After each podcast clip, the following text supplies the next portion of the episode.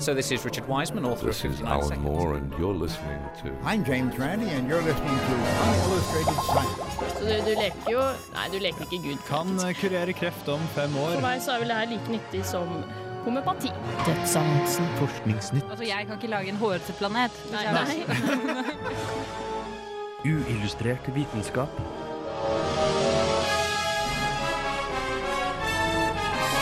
Science, works. I dagens sending av Uillustrert vitenskap får du vite hva som er den hellige gral innenfor moderne fysikk.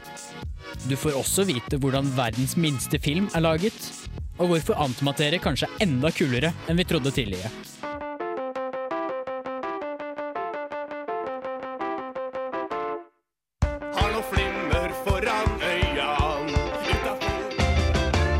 Ja, hei og velkommen til en ny sending av Uillustrert vitenskap.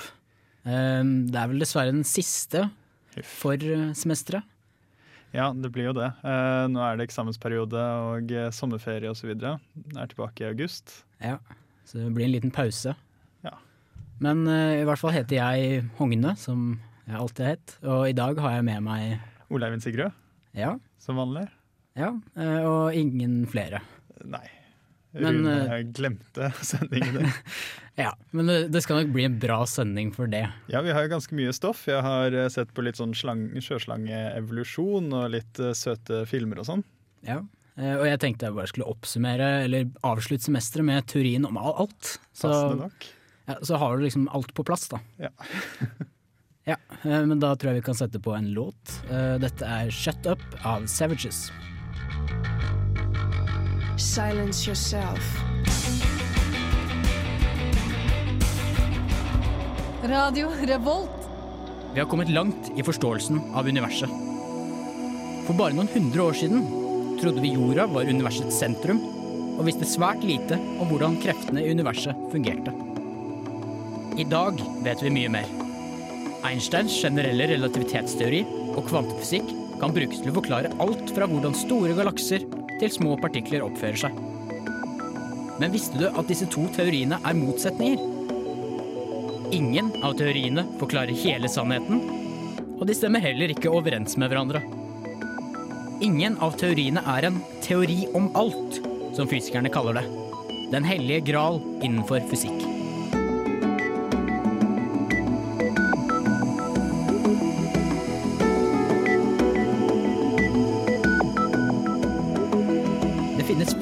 Fundamentale krefter i universet.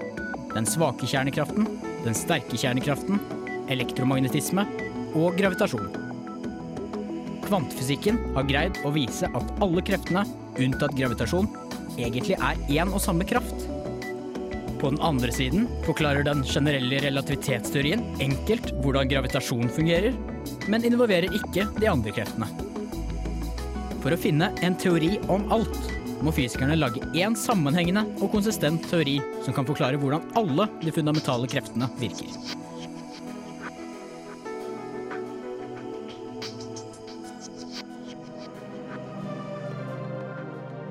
Men det finnes allerede en teori om alt, som forener alle de fundamentale kreftene, og til og med kan løse mange andre problemer vi har i dag, som f.eks. hvordan sorte hull fungerer.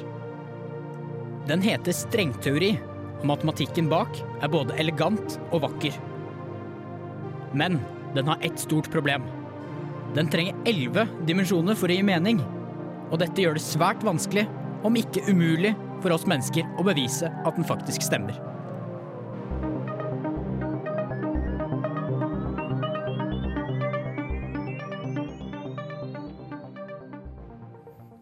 Ja, da fikk du høre hva teorien om alt er. Spennende saker. Ja.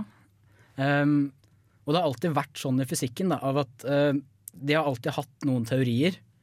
Uh, og så har de funnet ut av at disse to teoriene de forklarer veldig godt uh, innenfor et eller annet referansesystem. Men av, at de ikke, men av at når du prøver å forklare begge to i samme referansesystem, så kommer man til motsetninger, da. Da krasjer det. Har du noen eksempler? Ja. Du har f.eks. elektromagnetisme og termodynamikk, eh, som forklarer da ja, elektrisitet, magnetisme og ja, eh, partikler da, ved litt sånn større antall partikler. da. som gasser og væsker. Eh, og ja, så har du funnet noen motsetninger der, da, så har det blitt til kvantefysikk. Eh, og dette har da skjedd mange ganger. Du har jo f.eks. også mekanisk fysikk, som viste seg veldig fint og fungerer veldig lenge. Det funket jo å få folk til månen med bare hjelp av den enkle mekanikken. Ja, eh, men så har de plutselig funnet ut av at ja, men hvis eh, objektene beveger seg fort nok, så stemmer ikke det lenger. Eh, og da har jo plutselig relativitetsteorien kommet opp, da. Eh, og det er på en måte det som skjer nå også, da. Av at vi har kvantefysikk, eller kvantefeltteori, da, som er den, eh, den mest avanserte, eller den som forklarer mest, eh, og den generelle relativitetsteorien, som forklarer eh, godt på hver sin måte hvordan eh, de fire kreftene fungerer. Men du klarer ikke å putte de sammen, da. Eh, Så ja, hvordan er det de ikke stemmer overens? Um, den generelle relativitetsteorien eh, forklarer hvordan gravitasjon virker, ved at den forklarer av at romtid, eller da spacetime, eh, bøyer seg når, eh, når du har objekter i nærheten av hverandre. Da. Det er på den måten man kan ha warp drive og sånn. Ja. Eh, og da, du kan f.eks. tenke på en trampoline. Da. Det, er ganske, det er den enkleste måten å tenke på det. Av at Hvis du har et objekt på en trampoline, og så putter du enda et objekt på den trampolinen, så vil på, en måte begge de to bøye eh, spacetime, ut, eller ja, romtiden, ut fra hvor tunge objektene er. Eh, og da kan du få objektene til å gå rundt hverandre osv. Eh, og det er sånn eh, den generelle relativitetsteorien forklarer av at gravitasjon fungerer. Eh, og så har du da Og det som da ikke fungerer, er når kvantefysikk kommer med dette her med eh, Heisenbergs uskarphetsprinsipp. Det har vi snakket om tidligere her i Illustrert. Ja, eh, ja, som da sier av at eh, du kan ikke ja, Hvis du har posisjonen veldig nøyaktig, så ja, er det tiden, eller noe sånt. Ja. Du, du har i Da hvert kan du fall ikke si farten. Ja, farten, kanskje. Ja. Eh, og du kan ikke ha noen usikkerhet eller uskarphet i disse her eh, kurvene i, i spacetime, eh, og der kollapser de litt sammen, da. Så, og i tillegg også så er det ingen av de som klarer å forklare f.eks. Eh, sorte hull. Det er ingen, ingen som vet helt hva som befinner seg, eller hvordan sorte hull helt fungerer. De vet bare av at alt forsvinner og ingenting kommer ut, annet enn ja, Så har de noen teorier om det også, da. Fysikerne har en del å jobbe med, altså. Ja, de har fortsatt en del å jobbe med. Og det er dette her da Hawking og ja, en del andre kjente fysikere jobber med, da. Eh, Så eh, har man noen hete kandidater på altså, hvordan kommer denne teorien til, eh, om alt til å se ut som? Eh, ja, de har i hvert fall en veldig het kandidat som heter da strengteori. Eh, men det tror jeg vi kan forklare litt mer etter eh, låta 'Queen' av Chanel Montag.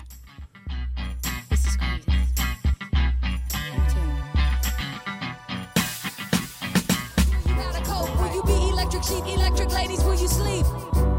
Or will you preach? Scientists, scientists, please. Looking for some order. Some order, please, with the eyes forward and the hands neatly folded and the pang of attention. Pi is exactly three. Uillustrert vitenskap. Ja, um, og vi avsluttet forrige stikk med en liten cliffhanger. Ja, hva er strengteori? Eh, nei, strengteori det er jo da den heteste kandidaten innenfor uh, teori, uh, som en teori om alt. Ehm, og den er relativt avansert, egentlig. Ehm, den, det den da bygger på, er av at hele universet er bygget opp av strenger. Bitte, bitte små strenger. Veldig, veldig små strenger. De vet ikke helt hvor små disse strengene er. Eh, men det kan være ned til en planklengde, som da er den minste lengden som gir noen mening å prate om i universet. Eh, ja, og opp til en sånn 10 minus 19 meter, da. Så ganske smått uansett, da. Ja, det er veldig smått uansett. og, og vi har ikke sett noen av disse strengene heller, da, så det er veldig vanskelig å vite om de finnes. Og de drev og vibrerte. Eh, ja. Disse her vibrerer eller roterer, eh, og ut fra hvordan disse roterer eller vibrerer, så er disse da eh, forskjellige partikler. Men de er ikke bare partikler også, for de er da også krefter. Eh, og også til og med selve rommet, da. Så disse strengene, det er alt. Absolutt alt består av disse strengene. Ja. Eh, Og det som er litt spesielt da, i forhold til vanlige teorier, er at før så har man tenkt av at verden er bygd opp av partikler, eller sånne punkter, da. Som da er null, nulldimensjonale punkter. Mm. Mens denne teorien da sier av at uh, verden er bygget opp av endimensjonale strenger. Da. Så det er på en måte en av de viktigste forskjellene. Hva vil det på en måte si av praktisk forskjell, om det er bygget opp av punkter eller en endimensjonal strek? Uh, jeg kan ikke så, så veldig mye avansert uh, om dette her, men uh, det, det er jo tydeligvis av at eh, det gir en del egenskaper, da. Eh, og strengteori er veldig avansert. Eh, den, for at dette her skal fungere, da, av at eh, alt det strengteorien forutsier skal fungere, så må vi leve i et ellevedimensjonalt eh, rom. Elleve dimensjoner. Eh, hvor er alle disse dimensjonene? Eh, nei, det de sier, eh, fysikere sier av at disse andre dimensjonene Vi lever jo kun i tre romdimensjoner og én tidsdimensjon. Disse andre dimensjonene disse befinner seg og er veldig, veldig små. Eh, og er krøllet opp. Små, sammenkrøllede dimensjoner. Ja. Og dette er veldig, veldig vanskelig å se for seg, da. For at, ja, nei, jeg, jeg aner ikke hvordan Dette er vel en veldig enkel forklaring på hvordan de mener det er, men eh, det er veldig vanskelig å forklare hva det er i det hele tatt. Det blir vel også litt som når man kommer inn i sånn ordentlig kvantemekanikk, så er det jo nærmest umulig å se for seg hvordan dette her foregår. Ja, Matematikken så, funker. Så jeg tror ikke det er så veldig negativt av at uh, strengteori høres helt usannsynlig ut.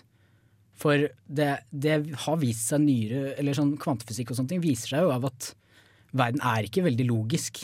Det er ikke sånn som mekanisk fysikk av at alt gir mening, av at om du dytter på en ting, så vil den bevege seg videre osv. For verden er bygget opp av veldig mye rare mekanismer som vi mennesker ikke er laget for å forstå. Jeg kan godta det. Det kan godt hende vi har elleve dimensjoner, men, men hva er så problemet da med strengteori? Eh, jo, de har noen problemer. Eh, og det er jo dette her med elleve dimensjoner, f.eks. Hvordan i all verden beviser du noe i elleve dimensjoner? Vi vet ikke hvor de andre dimensjonene er. Eh, matematikken sier at det må være elleve dimensjoner, for at ellers fungerer ikke dette her. Det er her de får disse dimensjonene. Eh, og dermed så vet de ikke noen som helst måte. De har ingen idé om hvordan de skal kunne forklare, eller hvordan de skal kunne bevise dette her, da. Vanligmåten eh, med sånt har jo vært at det kommer jo visse forutsigelser fra teorier, og så tester man bare altså, disse Ja. spådommene. da. Og det, er- det er sånn det vanligvis fungerer. Kommer ikke den her med noen uh... Den kommer jo med mange foruts, uh, forutsigelser, men ingen som vi mennesker kan teste. Ja. Eh, hvis vi skulle teste det, så måtte vi blant annet kanskje Hvis vi skulle sjekket dette direkte, så måtte vi dannet et sort hull. Eh, og det er veldig, veldig vanskelig. Jeg har lest at de driver med sånt på Cern hele tiden. ja. Men det, der er det noen som bare sier at dette kan hende, for at vi vet veldig lite om sorte hull. Men det har alltid vært veldig veldig lite sannsynlig av at det dannes sorte hull. Ja, skuffende. Ja. Så det, jeg har sett et lite regnestykke der hvor det har regnet ut av at du må ha noen partikler som må akselereres over 17 000 lysår. Det er Eh, langt. ja. Eh, Og deretter må de treffe hverandre innenfor en planklengde, som er ufattelig lite. Og CERN holder jo på og bare skyter disse her partiklene og bare håper at de treffer hverandre. Så de har jo ingen måte å eh, treffe hverandre, da. Eh, Og sånn kunne man dannet et sort hull. Eh, Men det, ja, det fysikere håper på, er jo at det finnes noen indirekte eh, måter å teste dette på. Men det er ingen som vet om noe sånt ennå, da.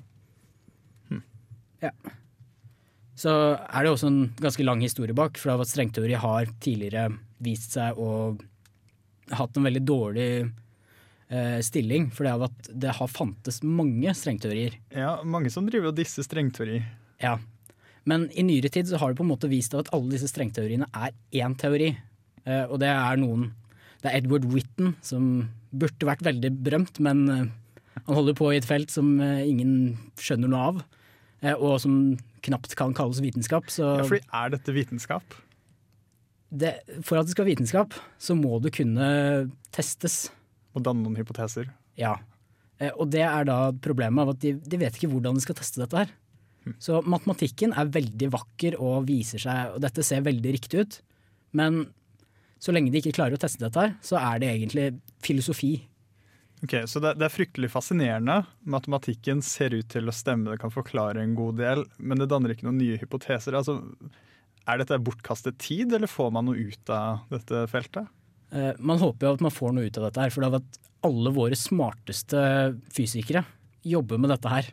Så det ville vært veldig mye bortkasta tid da, hvis alt dette her At vi bruker de smarteste. Dette her, de bruker fysikk, og for at du skal kunne forklare strengteori, så bruker de matematikk som finnes opp, som ikke er ennå funnet opp.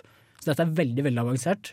Dette her ville vært de nye, den nye Einstein og osv.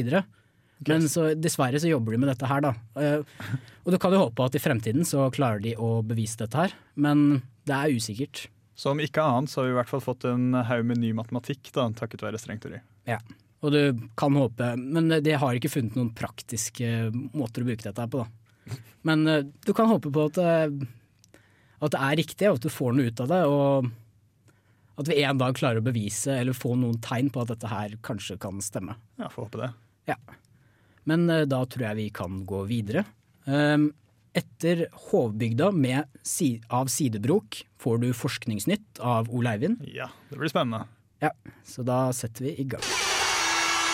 Det er navnet på den bygda som vi alle elsker Det H-O-V-D-E-B-Y-G-D-A Så hvis du kan å stave, så rop Hovdebygda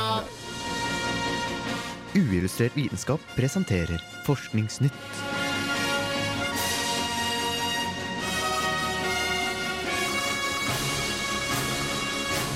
Forskningsnytt. Når én art utvikler seg til to arter, skjer det gjerne etter at den opprinnelige arten ble splittet til forskjellige områder.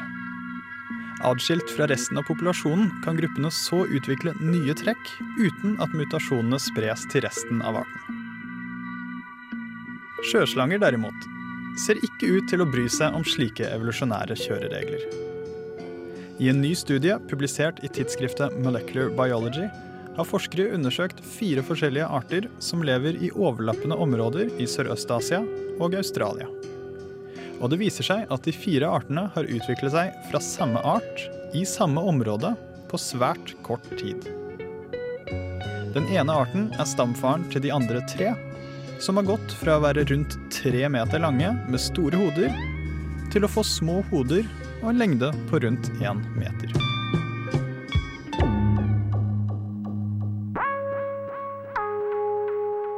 For første gang har man veiet antimaterie.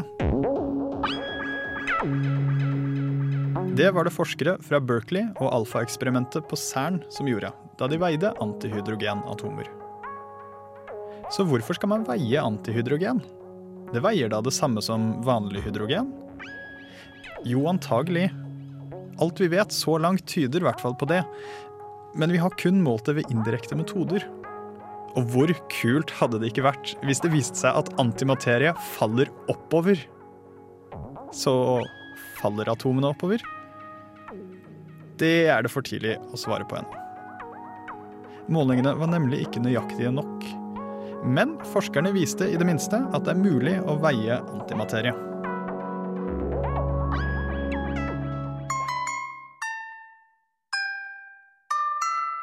Forskere ved IBM har laget verdens minste film.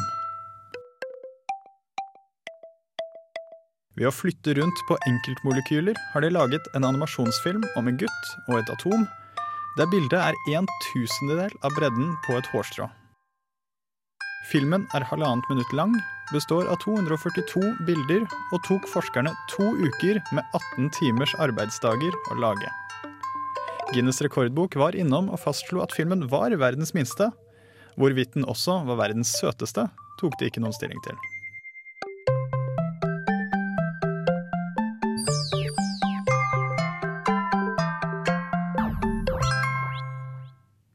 Ja, der fikk du Forskningsnytt av Ole Eivind. Yeah. Ja.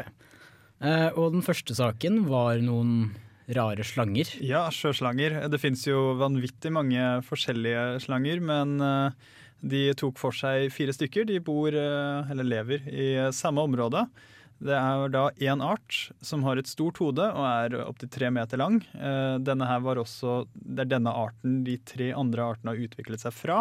Og alle de tre andre de har et lite hode.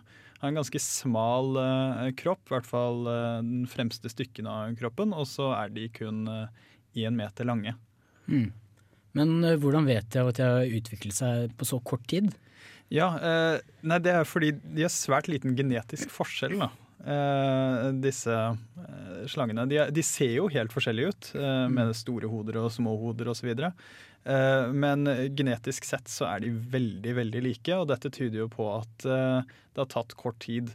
Nå er dette kort tid i evolusjonær sammenheng, eh, så det er snakk om sånn en million år som pluss-minus en del.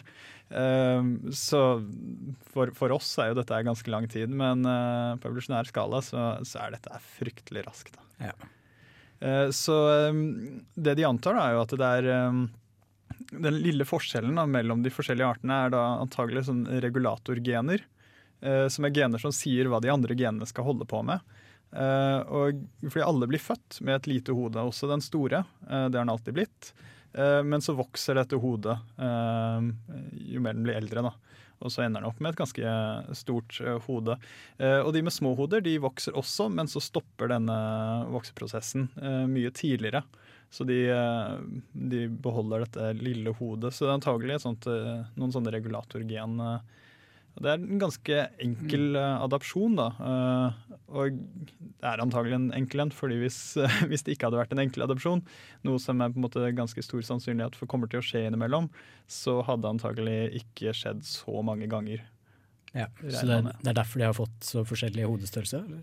Eh, ja, eller det begynner jo med en eh, mutasjon, men så eh, har det jo på en måte utviklet seg til arter og noe som har blitt beholdt, eh, fordi dette her gagnet dyret. da.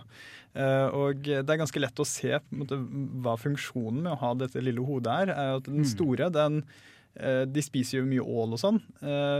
Men den kommer ikke inn nedi de der små hullene som eh, en del ål eh, lever i. Men de med sm sånn små hoder og en ganske smal hals, eh, de kan kravle ned i det hullet og så dra ut den ålen og spise den. Så de endte opp med Altså, det handler om mat.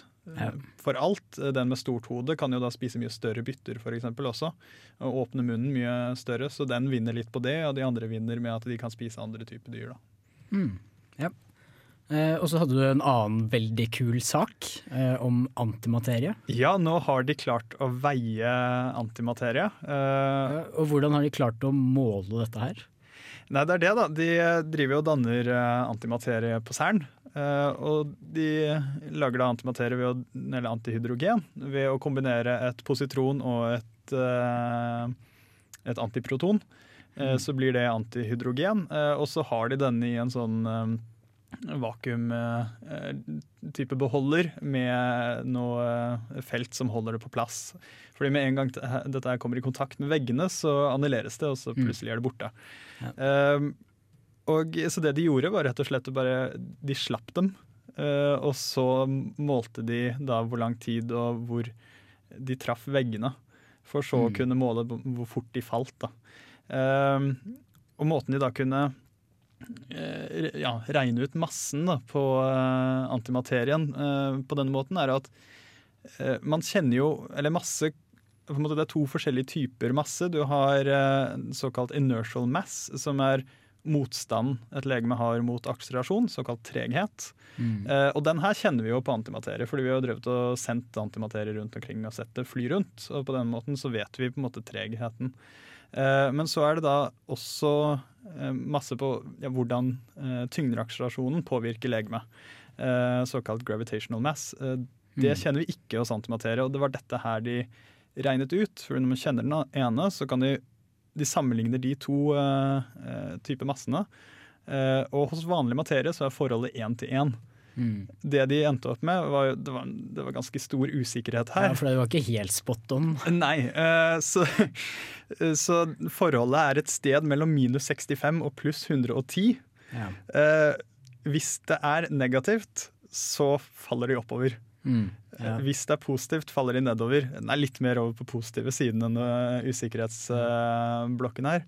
Eh, så antagelig faller de nedover. Men ja. Men går det an i fremtiden at de kommer litt, eh, eller får litt mer nøyaktige målinger? Ja da, eh, fordi den alfa-eksperimentet på Cern det skal oppgraderes til alfa 2. Så om ett til fem år så kan de gjøre litt mer eh, nøyaktige målinger. Ja. Det blir spennende. Det, det gleder vi oss til. Det gjør vi.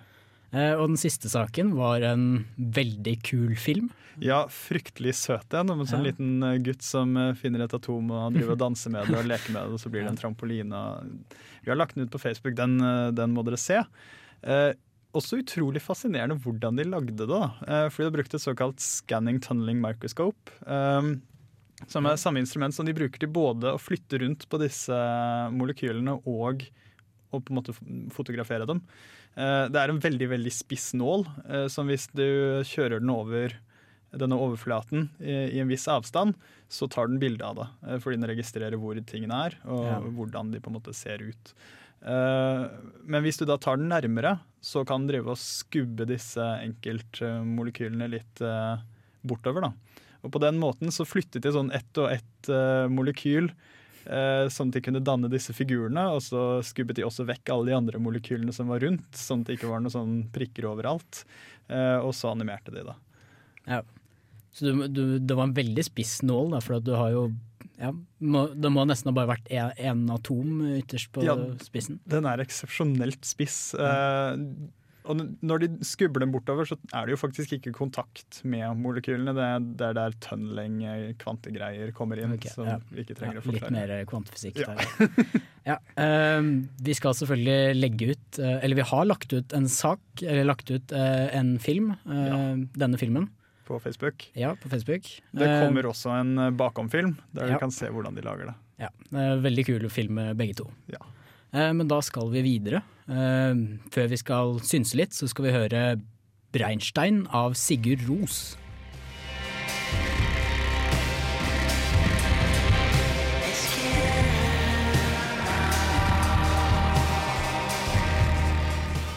Ja, da kom, har vi kommet til eh, synsespalten vår.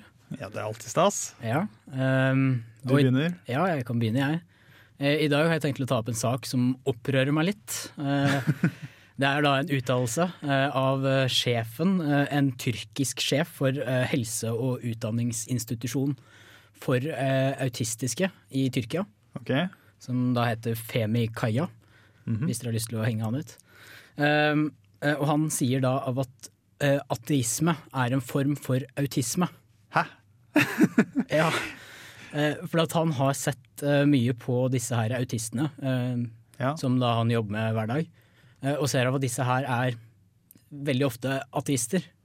Å ja, og da må jo nødvendigvis Da er- være autisme. Ja. Så han har trukket en veldig løs tråd der, da. En eksepsjonelt løst Ja, eh, og det han mener da er at eh, eh, autister mangler uh, en del i hjernen som gjør av at uh, man kan tro. Eh, og derfor så er da eh, ateisme en form for autisme. Jaha, ja. Eh, Men da siden man har jo ikke noe kur for autisme, betyr det at altså, man kan bare gi opp da med å prøve å omvende disse ateistene? Fordi vi på en måte er bare sånn? Han har jo faktisk forsøk på å omgjøre de. I Tyrkia så er det jo veldig, religi veldig religiøse deler av Tyrkia. Og han har da hatt egne terapitimer for disse autistiske, for å gjøre de troende. Jøss. Hvordan gikk det? Nei, det fungerer veldig dårlig, og det er derfor han kommer med denne her eh, påstanden. For at han ser av at dette her, det funker ikke. Nei. Så Han har heldigvis fått veldig mye kritikk for det han har sagt, og han har måttet trekke det tilbake igjen også. Det er vel på sin Eh, plass. og, ja, han har ment av at eh, nei, han mente noe annet, det var ikke dette her han mente. Men det er egentlig ganske tydelig hva han mente. Han mente egentlig at vi har asperger. Ja, så ja. Kritikk til han. Ja. Eh, Jeg snublet over en eh, artig liten forskningsnyhet. Eh, En dansk stipendiat, Christian Borch, i sosiologi har skrevet sin doktoravhandling om opprør, om riots. Mm. Om at til, Det har hatt sånn lang tradisjon siden 60-tallet på å se på sånne opprør som en sånn legitim respons på eh, ja, eh, urettferdighet og eh, forskjellige lugubre forhold osv. Uh, men i denne doktorgradsavhandlingen hans så eh, argumenterer han for at eh, sånne opprør ikke trenger å bli sett på som rasjonelle aktører. da. Noe som, eh, som tidligere har blitt gjort, men at eh, tvert imot så er eh, sånne opprørsgrupper eh, de utøver ganske mye irrasjonell eh, oppførsel. Eh, Og eh, henviser til disse opprørene i London eh, for en stund tilbake, Ja, det- også det i Danmark, da de Mm. stengte dette ungdomshuset. Ja. Så det, det, at det er mer opprør bare for å gjøre opprør, ikke av noen grunn? Ja, eh, I for eksempel det i eh, København da, så begynte det jo med at det her var jo ungdommer som ble truffet av dette. Og de hadde jo legitim grunn til å gå ut og protestere. Men så i tillegg så plutselig bare kom det en haug med andre folk som ikke Mm. hadde noe med den saken å gjøre, og begynte å tenne på biler og eh, hytt og pine. Vet. Ja. Uh, og eh, utøvde veldig mye sånn irrasjonell oppførsel. Ja. Så det jeg bet meg merke til da jeg, eh, da jeg leste denne nyheten her, er jo om at eh, Terry Pratchett hadde rett. Enkelt og greit, fordi han, Jeg husker ikke helt hvor eh, det var han eh, skrev dette, men han kom jo med en sånn god formel på å eh, regne ut den totale IQ-en til en mobb. Og det var å finne personen i mobben som har lavest IQ, Mm. for så å dele på antall personer i mobben. Ja. Eh, det høres ut som dette kommer til å stemme. Fin formel, det. Ja. Nei, men hvis den stemmer, så da Dette mente i hvert fall han eh, danske stipendiaten, og eh, jeg syns det hørtes fornuftig ut. Ja, det hørtes ganske fornuftig ut. Eh, Da får du Who the Waves Are Roaring For av Colin Stetson.